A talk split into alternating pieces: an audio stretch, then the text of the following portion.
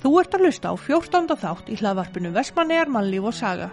Þættinni byrtast á hverjum fymtudegi á eia.net og einni á helstu hlaðvarpsveitum. Hægt er að fylgjast með okkur á Facebook og Instagram. Í dag munum við ræða við Þórólf Guðnason um líf hans og störf. Þórólfur er fættur 28. oktober 1953. Síðar munum við hóð brot og sögu Vestmannega sem bókast af Vestmannega hefur tekið saman fyrir okkur. Þátturinn var tekinu upp í Kópavogi.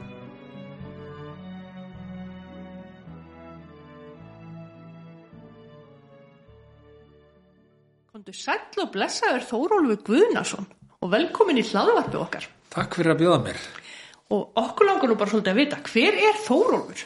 Já, það er nú kannski erfitt að svara því fyrir mig því að, því að hérna e, allir hafa allir hafa nú marga hérna persónleika e, og svona get, menn geta litið á það mismunandi augum en ég er nú bara úr sko bennilegu strákur fættur á Kolsvelli og, og alveg upp á Eskifyrði og Vestmanni er ekkert, ekkert öðruvísi Ekkert flóknara en það það. er ekkert flóknar en það nei. Og hver eru fjölskylduhæðið þínir? ég er giftur og á hérna á Vestmanni engi meira að segja og, og hérna á tvo stráka Já. uppkomna og hérna engin barnaböld og, og hérna þrjá hunda, barnahunda. Já, það er nú svona í nötskurð mínir e, hægir og býði út á Seltaðanesi og búin að búa þar mjög lengi. Síðan, síðan í raun og veru já, 1990 já. já. Hvenær bjóstu í eigum? já ég fluttist í Vestmannaði þegar ég var nýjára eða á nýjönda ári 1962 og kom þá frá Eskifrið það hafði átt búið þar í einn 6-7 ár. Mm. kom þar nýja ára í Stórbæin Stórborgina Vestmannaðir Já, og bjóð þar þangað til að ég flutti rétt fyrir gós, hösti 72 Ré- rétt forðaði mér áður en það byrjaði gósi já, og náði að komast í burtu. Já, en ég náttúrulega eitti öllum mínum eða svona mínum múlingsárum þar og, og svona þetta er svona mótunar árin þannig að ég, þannig að ég lít nú á mig sem vestmanning eftir það. Já. Hvernig fannst þið samfélagi taka þér þegar þú flutt fyrst? Það, í Vestmanniðum, Já. það tók, tók mér bara mjög vel, þetta var náttúrulega mjög merkilegt, það var mjög mikið af börnum, ég held að það hafi verið svona 130 krakkar í mínum árgangi í Vestmanniðum, mjög stór og það var allt svona íðaði alltaf af lífi sko. Og, og hérna mjög mikið að gerast, náttúrulega mikið, mikið íþróttum og útivera og menn voru að allan daginn nánast en þetta var mjög gaman að koma til Vestmanneja og mikil upplifin fannst mér og, og Vestmanneigandi tóku mér bara vel og eins og þeir taka nánast held í flestum Já. En hvernig barna unglingur varstu? Já, ég var nú ég var nú alltaf svona rólegur sko, það var ekkit ekkit svona villinga eðli í mér mikið, það, það braust kannski út stundum en, en eh, ég eignaðist bjó í Östubænum í Vestmanneum sem að fór undir hraun í, í grænhlíðinni Já, og, uh, og hérna eignaðist uh, mjög góða vini þar allt um kring í grænu hlýðinni og, og bara í hverfinu í Östubænum og, og hérna og það var náttúrulega ímislegt bralla og ímislegt gert og, og, og bara mjög skemmtilegt allt og unglingsárunum náttúrulega mjög mikið að gerast í Vestbænum, það var mikið eh, þetta var þeim árun þar sem að var mikið um svona hljómsveitarlíf í Vestbænum mm.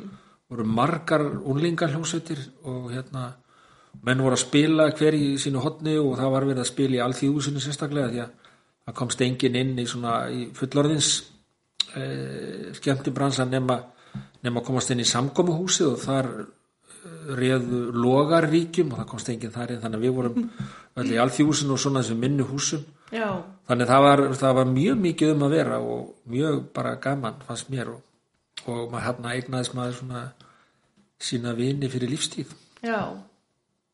getur sagt já. Og hérna, viltu segja okkur hvernig lífi var í eigum þegar þú varst alast upp? Já, það var nú bara þannig að, að hérna, þá voru sko mömmurnar heima. -hmm. og papparnir út að vinna og pappi minn var, eh, var kaufélagstjóri í Vestmanni hann var ekki sjómaður hef aldrei, mín fjölskylda hefur aldrei verið svona viðriðin sjóin neitt. Já, en, eh, en eh, og það var náttúrulega mikil útivera eh, alltaf sko. Og maður rétt komst heim í, í mat og kaffi. Og, og svo var náttúrulega mikið að gera í skólanu líka mikið líf þar og, og hérna mjög mjög gaman. Þannig að ég man ekki betur en það hafi verið alltaf gott veður nema einu sinni kom mikið rók held ég og í Östubænum og, og hérna svo kom einu sinni mikið snjór. Já, uh, hvaða ára allir það er nú verið það var kannski 64 5 eða eitthvað. Mikli snjóri, þess mann ekki að tala en þá en mikla snjóin sem já, og hérna, en an- annars var alltaf bara sól og logn, ég man ekki betur. Sól og blíða. Kemur oft til eiga? Nei, ekki nógu oft þegar ég, ég flutti frá Vestmanni ég átti nú enga fjölskyldu þar sjálfu ég átti nú tölvert að frændfólki hins vegar. Mm. og en konan mín er eh, fætt á uppalinn í Vestmanni og á tölvert stóran eh, bara sí, sískinar hennar nokkur búa þar og, og frændgarður mikill og, og hérna hennar fjölskylda er, er rótgrónir Vestmanningar, hún er barnabarn Oddgeis Kristjánssonar. Já, og, uh, og þannig að og það er svona stór fjölskylda sem stendur bæði að já, nokkuð stór að, að móður fjölskyldu konuna minnar og svo enn stærri að föður fjölskyldinni þannig að við förum nokkrum sinnum og gerðum það áður en eh, ekki eins og oft núna í setni tíð því miður en, en við þurfum einhvern veginn að láta verða svona bæta úr því myndi ég segja já, finnst þið mikil breyting á eigunum? Já, kannski, ekki, kannski erfitt fyrir mig að meta það alveg en eh, bara ekki nema þegar maður fer í Vestmanni núna á kvöldinir í bæ það sér maður ekki sálu, sko, það er kannski ekki markað núna í COVID-dæminu en, en áður fyrir var að bærin alveg fullur af lífi og, og hérna, úlingarnir alveg fylltu allar götur í bænum langt fram á kvöld, langt fram á nóttstundum sko. Já, Þetta hefur breyst fyrst mjög gríðlega þannig að uh, núna er bara sér maður ekki, ekki mannesku allir heima að horfa á sjónvarpið eða eitthvað stærri partíum kannski eitthvað, ég veit það ekki en, en ég held í grunninn kannski kannski eru vestmanningar náttúrulega sjálfum sér líkir alltaf og, og svona eh, þannig kannski hefur svona andinn í bænum ekki breyst en ég held að svona bæjar bragurinn finnst mér hafa nú breyst uh, hvorki til þess verra eða eitthvað svoleiðis, þetta er betra hann er bara öðruvísi finnst mér hérna, Eða kannski hef ég bara breyst sjálfur þannig að þetta það, er- mögulegt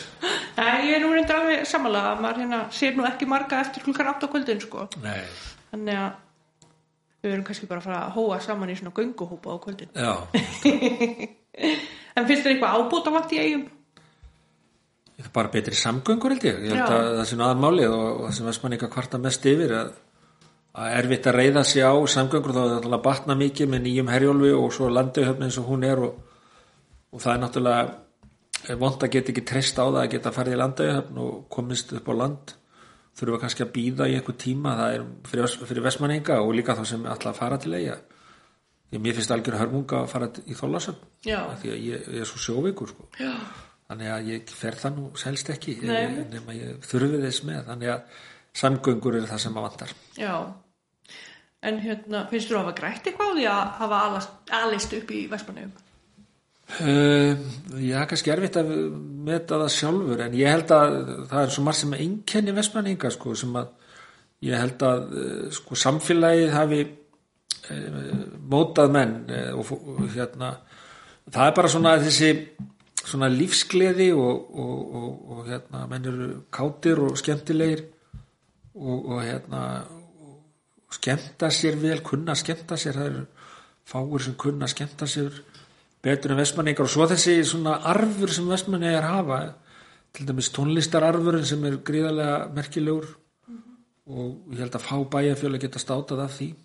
Og ég er ekki alveg sem margir átti sig á því hvað þetta er mikilvægur arfur. Og svo bara svona já, þessi, þessi bragur sem að einkenni vestmanninga og ég, það eru margir aðrir sko, maður kannski getur ekki metið það sjálfur en það eru svona utanakomandi fólk hefur á því Já. þannig ég held að maður hafi grætt það ég held að maður væri, væri kannski me, meira svona inn í sig núna og, og hérna leiðinlegri og hérna og væri svona uh, hérna partí, fílupúki og eitthvað svona sem, að, sem að ef maður væri ekki vestmanningur, það geti vel verið já. Þú spilar á hljóðfæri. já já, já, ég geri það Já, mér skilst að þú sett vorin frægasti bassaleikari landsins.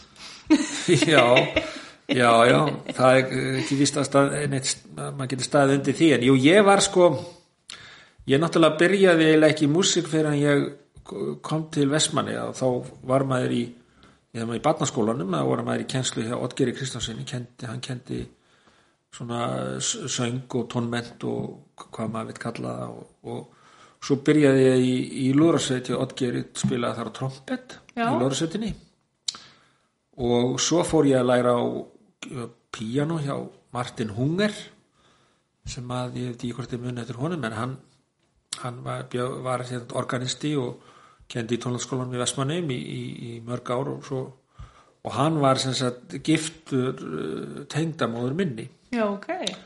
og svo fluttust þau í bæinn og, og hérna, þannig að ég lærði að píana hjá honum og fór svo uh, að gæla við eins og margir aðrir að að vera í únlengar hljónsveit í Vestmanneum og við stopnum hann hljónsveit eh, bestu hljónsveit allra tíma Já, segja sumir. Og hérna og það var mjög skemmtilegt og, og hérna spilaði þar á bassagítar. Og hérna fór svo í það að vera söngvar í þeirri hljónsveit og svo fór ég að spila á gítar og var svo upp á laugavætna mentaskólanum og spilaði þar líka í, í hljónsveit skóla hljónsveit en svo var nú ekkert mikið meir úr því spilir ég nema ég var svona glamrað á gítar svolítið ekki fyrir ég kom heim aftur 1990 úr, úr sérnámi en það var svona glamrari en þá fór ég að spila í hljómsveit á gítar. Já, og þá fór ég að spila svona með alvöru fólki sem að, sem að ég lærði mikið af og í hljómsveitum spilaði með Gísla Helga sinni blokkflutuleikar á Vestmanengi -hmm. og, fleirum frænda mínum Hafsteini Guðfinnsinni sem sandi hérna ástarljóð muni eftir því sem Vestmanengar halda heiti Pípan. Já, já, en það heitir ástarljóð. Já, ok. þannig að ef maður segir ást, að það heitir Pípan þá maður búin að koma upp um plottið í textan Já, einmitt. þannig að það má ég ekki segja það. Já, og bara ykkur að segja á laugavatni þá var ég var fyrstur til að frumflytja það lag já, ok. á sviði í, kvartett sem að Hafsteinn sa- eh, stofnaði. Þá var ég eitthvað 16 ára. Já, og síðan eh, var ég að spila mikið hér eftir ég kom uh, sérnámi í, frá Ameríku. Og var þá að skemmtilegt að spila jazz og, og svona bítlamúsík líka og svona pop og annað. Og svo flutti ég mig aftur yfir á bassan já, ég er svona í grunninn er ég bassalegari já, og hef haldið því áfram já.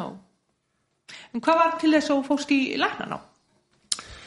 ég það var nú uh, ég var nú fljótur að ákveða það bara, man ekki hvort það var bara þegar ég var í gagfræðaskólanum í Vestmanni að uh, frændi minn, móðurbróður minn er, var læknir, hann er dái núna og mér fannst hann alltaf merkilegu maður og góðu maður og, og hérna og eins konar fyrirmynd, þannig að ég ákvað það bara snemma að ég ætlaði að fara í læksfræði og svona var bara búin að ákveða það en fór nú svona óhefnundan leið í það. Ég fór í máladild.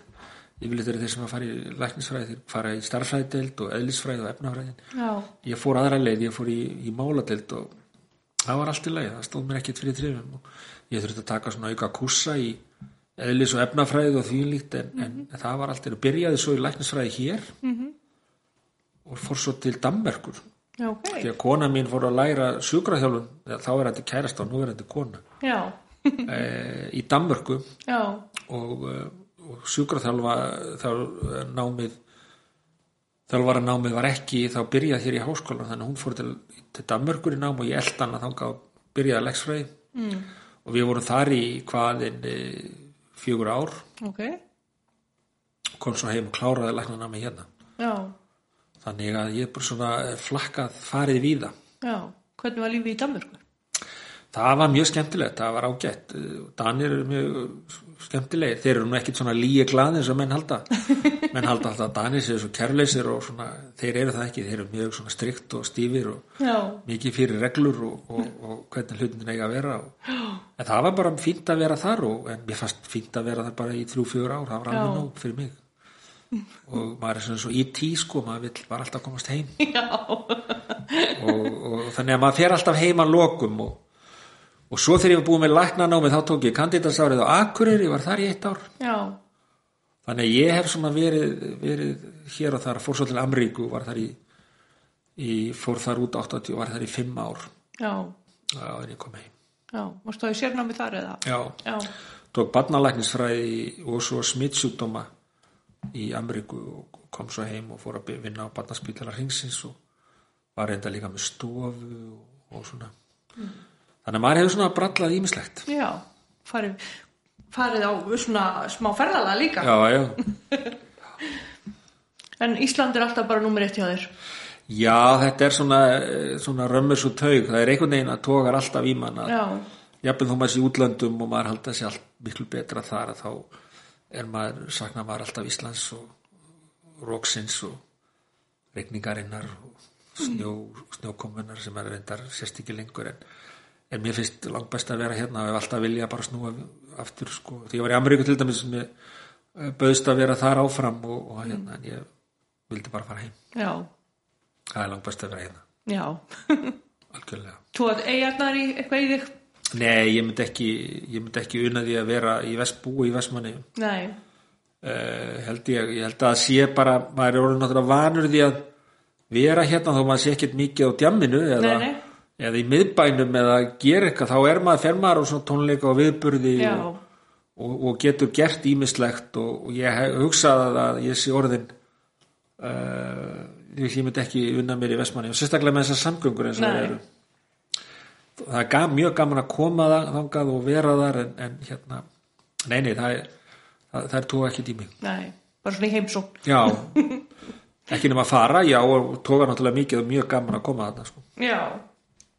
Hvaða ráleikingar hefur fyrir þá sem hafa áhuga á að vinna við það sem þú ert að vinna við? í læknisfræði, Já, já ég held að það er eiga bara, bara að fylgja hjartanu og því sem er og, og það sem er langa til að gera ég meina, það er bara svo margt sko læknisfræðin er þannig fag að því að bjóðast ótal möguleikar í, í, í þeirri grein. Þú getur gert bara, þú getur farið að vinna með sjúklinga þú getur farið að vinna í rannsóknum eða, eða hvað sem er, það er mjög margt sem þú getur gert með þá mentun já, Eh, það er aldrei svona erfitt nám þetta, þú þarft að vera, vera að sitja við -hmm. og það þýðir ekkert að slugsa, þú verður að vera að vinna bara mjög stíft og þú ætlar að komast þar í gegn og síðan áttu bara að gera það sem langar að gera fara Já. þá leið sem þú vilt fara og, og hérna og hvort sem þú vilt fara að vinna í skurlækningum eða livlækningum eða barnalækningum eða hverju sem er að bara elda þann draum mm. og verð ekki trættu við að skipta þeir fellur ekki eitthvað fæið þá áttu bara að leita eitthvað annað já. Hvað gerðu þú til gamans í dag? ég, hef nú ekkert gert með, með, margt í gaman svona Ekki undan það dag? síðasta árið ég hef mest bara nánast alltaf daga farið bara í vinnu verið mættur klukka sjö og farið heim um sjö Já, og hérna en ég er svona jú, jú, ég fer nú ég hef gaman að fara ferðast um landi til dæmis og fara inn á hálendi og, og svo hef ég gaman að, að spila með vinnum mínum og félugum já, sem ég hef gert lítið af núna.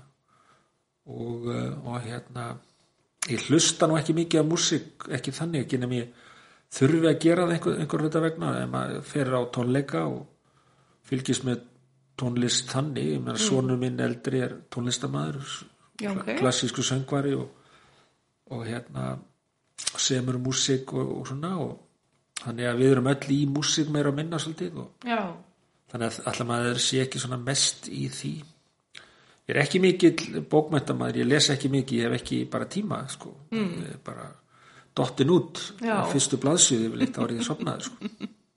En hvað er þetta ljósiti sem þú ert í? ég, ég er bara í svo mörgum, það er að heita Já. svo mörgum mörgum nöfnum, það er að heita alls konar nöfnum og, og yfirleitt tengist þetta allt einhverju svona bítlanöfnum já, og það er bítilbræður eða, eða bítlavinir eða backstabbing beatles eða með, með grindvikingum og hérna þannig að þetta er svona í setnindi er þetta mest tengt svona bítli já. Bítið líðir. já svona, mér finnst að ég brólst ég var á þessum tíma þegar að Rolling Stones og Beatlarnir voru alveg á hápunktinum Já. og, og hérna menn voru að rífast um hvort væri betri og slóast jafnvel yfir því og, og það svona sittur í manni bara Já. En hvað er stærsta prakkarastriki sem þú hefur gert? ég veit það ekki alveg. Hvað, ég er ekkert svona mikill prakkari sko, ég er ekki ég, ekki sem ég man eftir neitt. Ég það er bara svona smá prakkarastrik ég er ekki mikið fyrir það að vera með einhver stór prakkarastrik Nei. það getur nú verið voða gaman að, að svona að stríða sko en ekki ekki það er svona ímislegt en ekkert svona ekkert sem ég man eftir einhverjum, einhverjum sem ég er virkilega yes sko, hrifin yfir Það var kannski eftir að koma. Já, það veit maður aldrei sko Það veit maður aldrei Getur kannski rætt það bara næstu við hittu þig. Já, já, einmitt En hérna, áttu ykkur að sögu úr eigum? sem Sögur? ætlar að segja okkur? Já, það eru margar sögur Ég til dæmis eh, skrítið með mig Ég hef ekki, ég hef ekki tvo mikið fyrir að lappa sko úti og ég hef til dæmis, það er mjög skrítið Ég hef aldrei komið upp á heimaklett til dæmis. Já, ok. Ég hef einu sinni komið út í, út í hérna Elliðæ mm. annars ekkert út í eigjar fór einu sinni í, í Lunda það var engi fræðarferð út í hérna uh, miðklett. Já, það gekk ekki vel. Og þá ákvaði ég að láta það bara eiga sig. Já, þannig að ég er ekkert mikið að þvælast upp á fjöll og mikið með er, ég var nú í skátunum í Vestmanni með gamla þá fórum við oft í svona göngutúru með eiguna en mér fannst það aldrei neitt sérstaklega skemmtilegt sko. þannig ég er ekki mikið þetta er ekki, ekki mikið sem að sem ég get sagt frá einhverju slíku en svo náttúrulega er margar sögur sem að maður upplifði með félögunum og vinunum sem ég er ekkit endilega vissum að ég heima hér það eru ábygglega marga sögur einmitt sem að eru bara geimdar einhver Já, stað svona já. í minningunni. já, já, já. já, ég held nefnilega varandi bassaleik og bassaleikara þá þá eh, sko eru menn svona karakter manna er annarkort, annarkort eru bassaleikar eða eitthvað annað sko. mm -hmm. sumir margir bassaleikara hafa byrjaði að prófa að spila á gítar en svo fara þeir í bassaleikin vegna þess að karakterin þeirra passar miklu betur við bassaleikin Já, og það er bara eh, til að nefna eins og Paul McCartney til dæmis, byrjaði sem gítarleikar og var síðan bassaleikari. Nú, og ég kannski.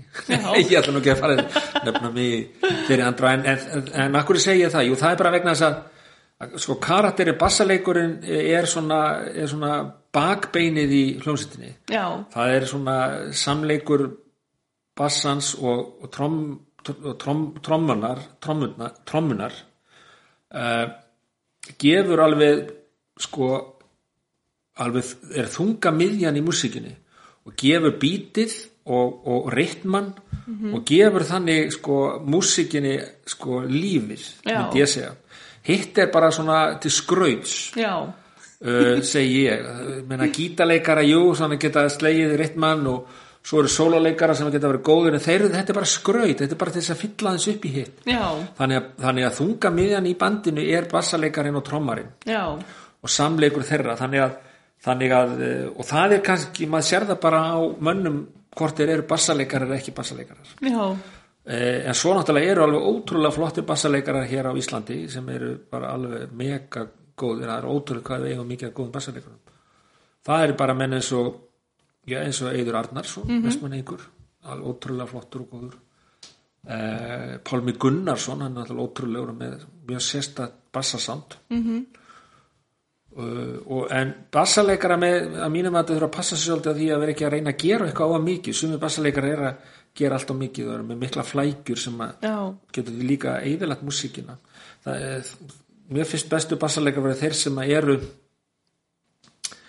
gefa svona þunga miðju í, og, þungan í músíkina en á sama tíma geta vera svona melodískir já, það er eins og dæmis Paul McCartney hann er þannig að maður hlustar á hann þá spilar hann svona í mörgum lögum bara sína eigin melodíu inn í læginu sem er alveg ótrúlega flott. -hmm. og ef menn á að kombinera það saman við hlutverkið er að búa til svingið, mm -hmm. ritman og þungamiðuna að þá er sko þá eru þau góðir.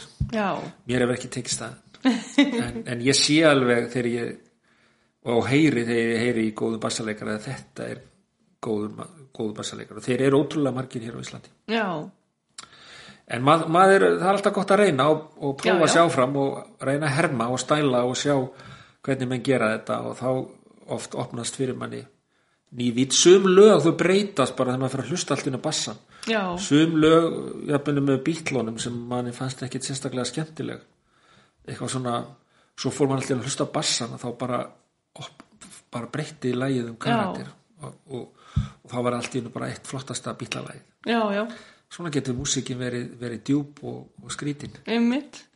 En æfingin skapar meistaran, þannig að þú heldur bara áfram. algjörlega, æfingin skapar algjörlega mistaran og hérna það verður bara að prófa sig áfram og, og æfa sig og, og reyna að ná hinn á þessu.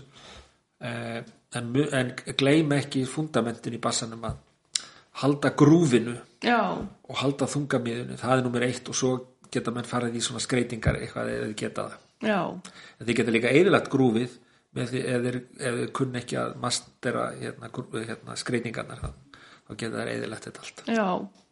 Það fellur og, og stendur með bassaleikarannu svolítið. Algjörlega. Bassa, kannski bassa leiknum ekki Já. leikaranum, kannski bassa leikaranum þeir geta verið aðskonar fyrir sko, en, en þeir verða að vera góður og spila með, vel með trommaranum Já, eitt samspilið. Já. En hérna ein spurning svona líka, að hérna,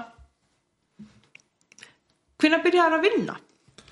hvenar byrjaði að vinna ég byrjaði bara mjög snemma að vinna því ég var uh, uh, bara í Vestmanni ég var, ég byrjaði ég, já, ég byrjaði því ég var eski fyrir því. Já, þá ætlaði ég ekki verið bara 6-7 ára þegar var ég að vinna á síldarplani já, í síldinni. Ég er svo gammal að ég get satt frá því ég var að vinna í síld. Já, á planinu, ég var að hérna, velta tunnum þar og fara með svona ringi til kettlingana sem voru að salta. Já, og þá ég ætla ekki verið bara 6-7 ára eitthvað svona. Já, sem, því ég byrjaði á því og, og, og hérna svo náttúrulega þegar maður kom til Vestmanni þá byrjaði maður strax að vinna. Ég fór, fór hérna sko fljótt í sveit í landeirnar og var þar á sumrin og svo fór ég, ég hætti því þá var ég í Vestmanni og var að vinna í fiski og, var þar ein, eitt ár í, í fiskinu. Þannig að maður byrjaði mjög snemma það var alltaf verið að vinna og svo þegar maður var í mentaskóla kom maður uh, til Vestmanni og vann alltaf fór að vinna í Ísfélaginu uh, hérna uh, jólafríinu, páskafríinu Já. Þannig, vinna hefur alltaf verið stór partur af lífum hans og hún göfgar mannin eins og sagt er já. Finnst þið það vantar svolítið í dag? Nei, það er bara minni tækifæri mér fyrir ungt fólk að, að fara í vinnu og svo eru vinnuvendar, á, vinnuvendar ákvæði sem að, sem að hindra uh, ungt fólki að vinna mikið eins og við gerðum en ég er ekkit endilega að segja að það sé hafi verið gott að vinna svona mikið en Nei, það nei. var allavega mjög gaman Já, sínu tíma og, og það er alveg mjög mikilvægt að læra að vinna mm. -hmm. sínu sumir ekki kunnað almennilega við viljum bara þakka þið kellega fyrir komuna og Ég bara- bara að taka þið smá tíma fyrir okkur. Já, takk fyrir að fá mig og það er gaman að rifja upp þessar sögur og svo náttúrulega erum við að e, árgangurinn minn hefur verið duglegur að hittast reglulega Já. og, og menn sko þá er náttúrulega er rifjað upp í mislegt og, og, og til gamans og mjög, mjög hérna, gaman. Hafi nú svona aðeins verið byð á því núna í þessu COVID-dæmi en ég held að menn sé nú fara að hugsa um að, að, að taka til hendin aftur og byrja á því og það er mjög skemmtilegt. Þá hittum maður fólk sem maður hefur ekki hitt í mörg mörg ár. Já, rífi upp gamla tíma Já, já. og gamla sögur sem maður Gamlar er ekki heima hér. en bara, já, takk kellega fyrir að koma. Já, sumulegis, takk fyrir kjærlega að fá mig. Nú fáum við að hverfa aftur til ásins 1950. Þann 23. oktober 1950 var haldin kvöldvaka og fáum við núna að hlusta á viðtal sem Þorsteinn Víglundsson, skólastjóri, tók við þá Stefán Guðlugsson frá Gerði og Eyjól Gíslason af Bessastöðum um sjómennsku. Stefán Guðlugsson var fættur 7. desember 1888 og lést 13. februar 1965. Eyjóli Gíslason var fættur 22. mæ 1897 og lést 7. júni 1995. Þetta sögubrót eru bóði bókasafræsmanega. Hægt er að afla sér nánari upplýsinga um fyrirnemt fólk á heimaslóð.is.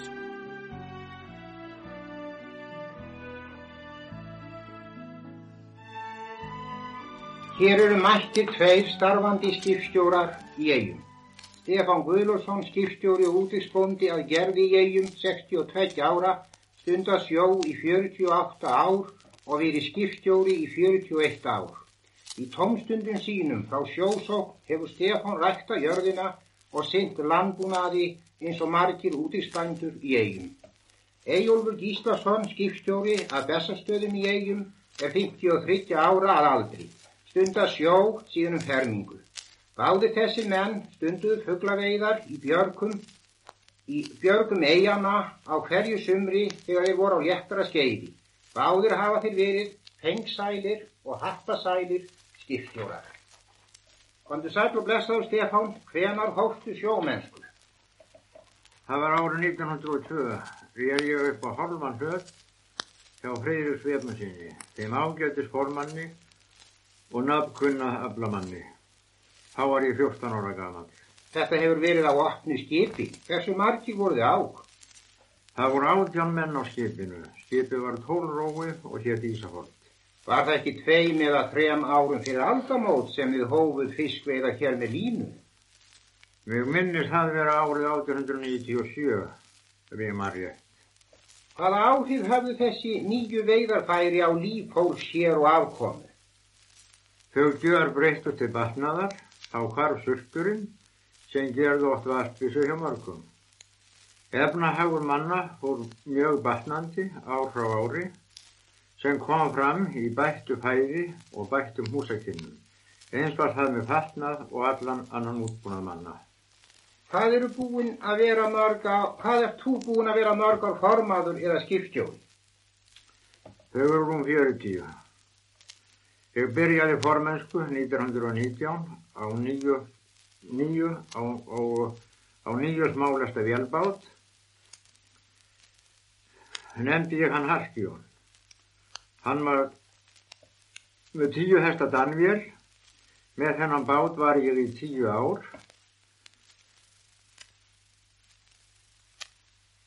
Stýrhúslausan og fekk þá marga slettuna. Hafðu þú áður róið á vélbát? Já, bæði opnum og með þilfari.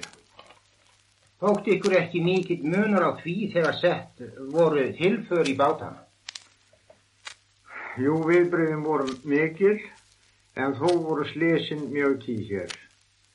Í sambandi við það vil ég geta þess að miklu var lett af sjómannum og heimilum þeirra þegar björgunarskipi þó var kiptinga til eiga. Við oft, oft vorum með beðinir að fara og leita að bátum sem vantaði þó oft væri tvísýnt með þá sem í leitina fóru og kom það fyrir að þeir komi ekki aftur. Var það almennur áhugi eigamanna að kaupa björgunarskip? Já og margir lögðu hartað sér með fjárlög til þess en ég hef engan hirt telja þú eftir. Þakka þið fyrir Stefán.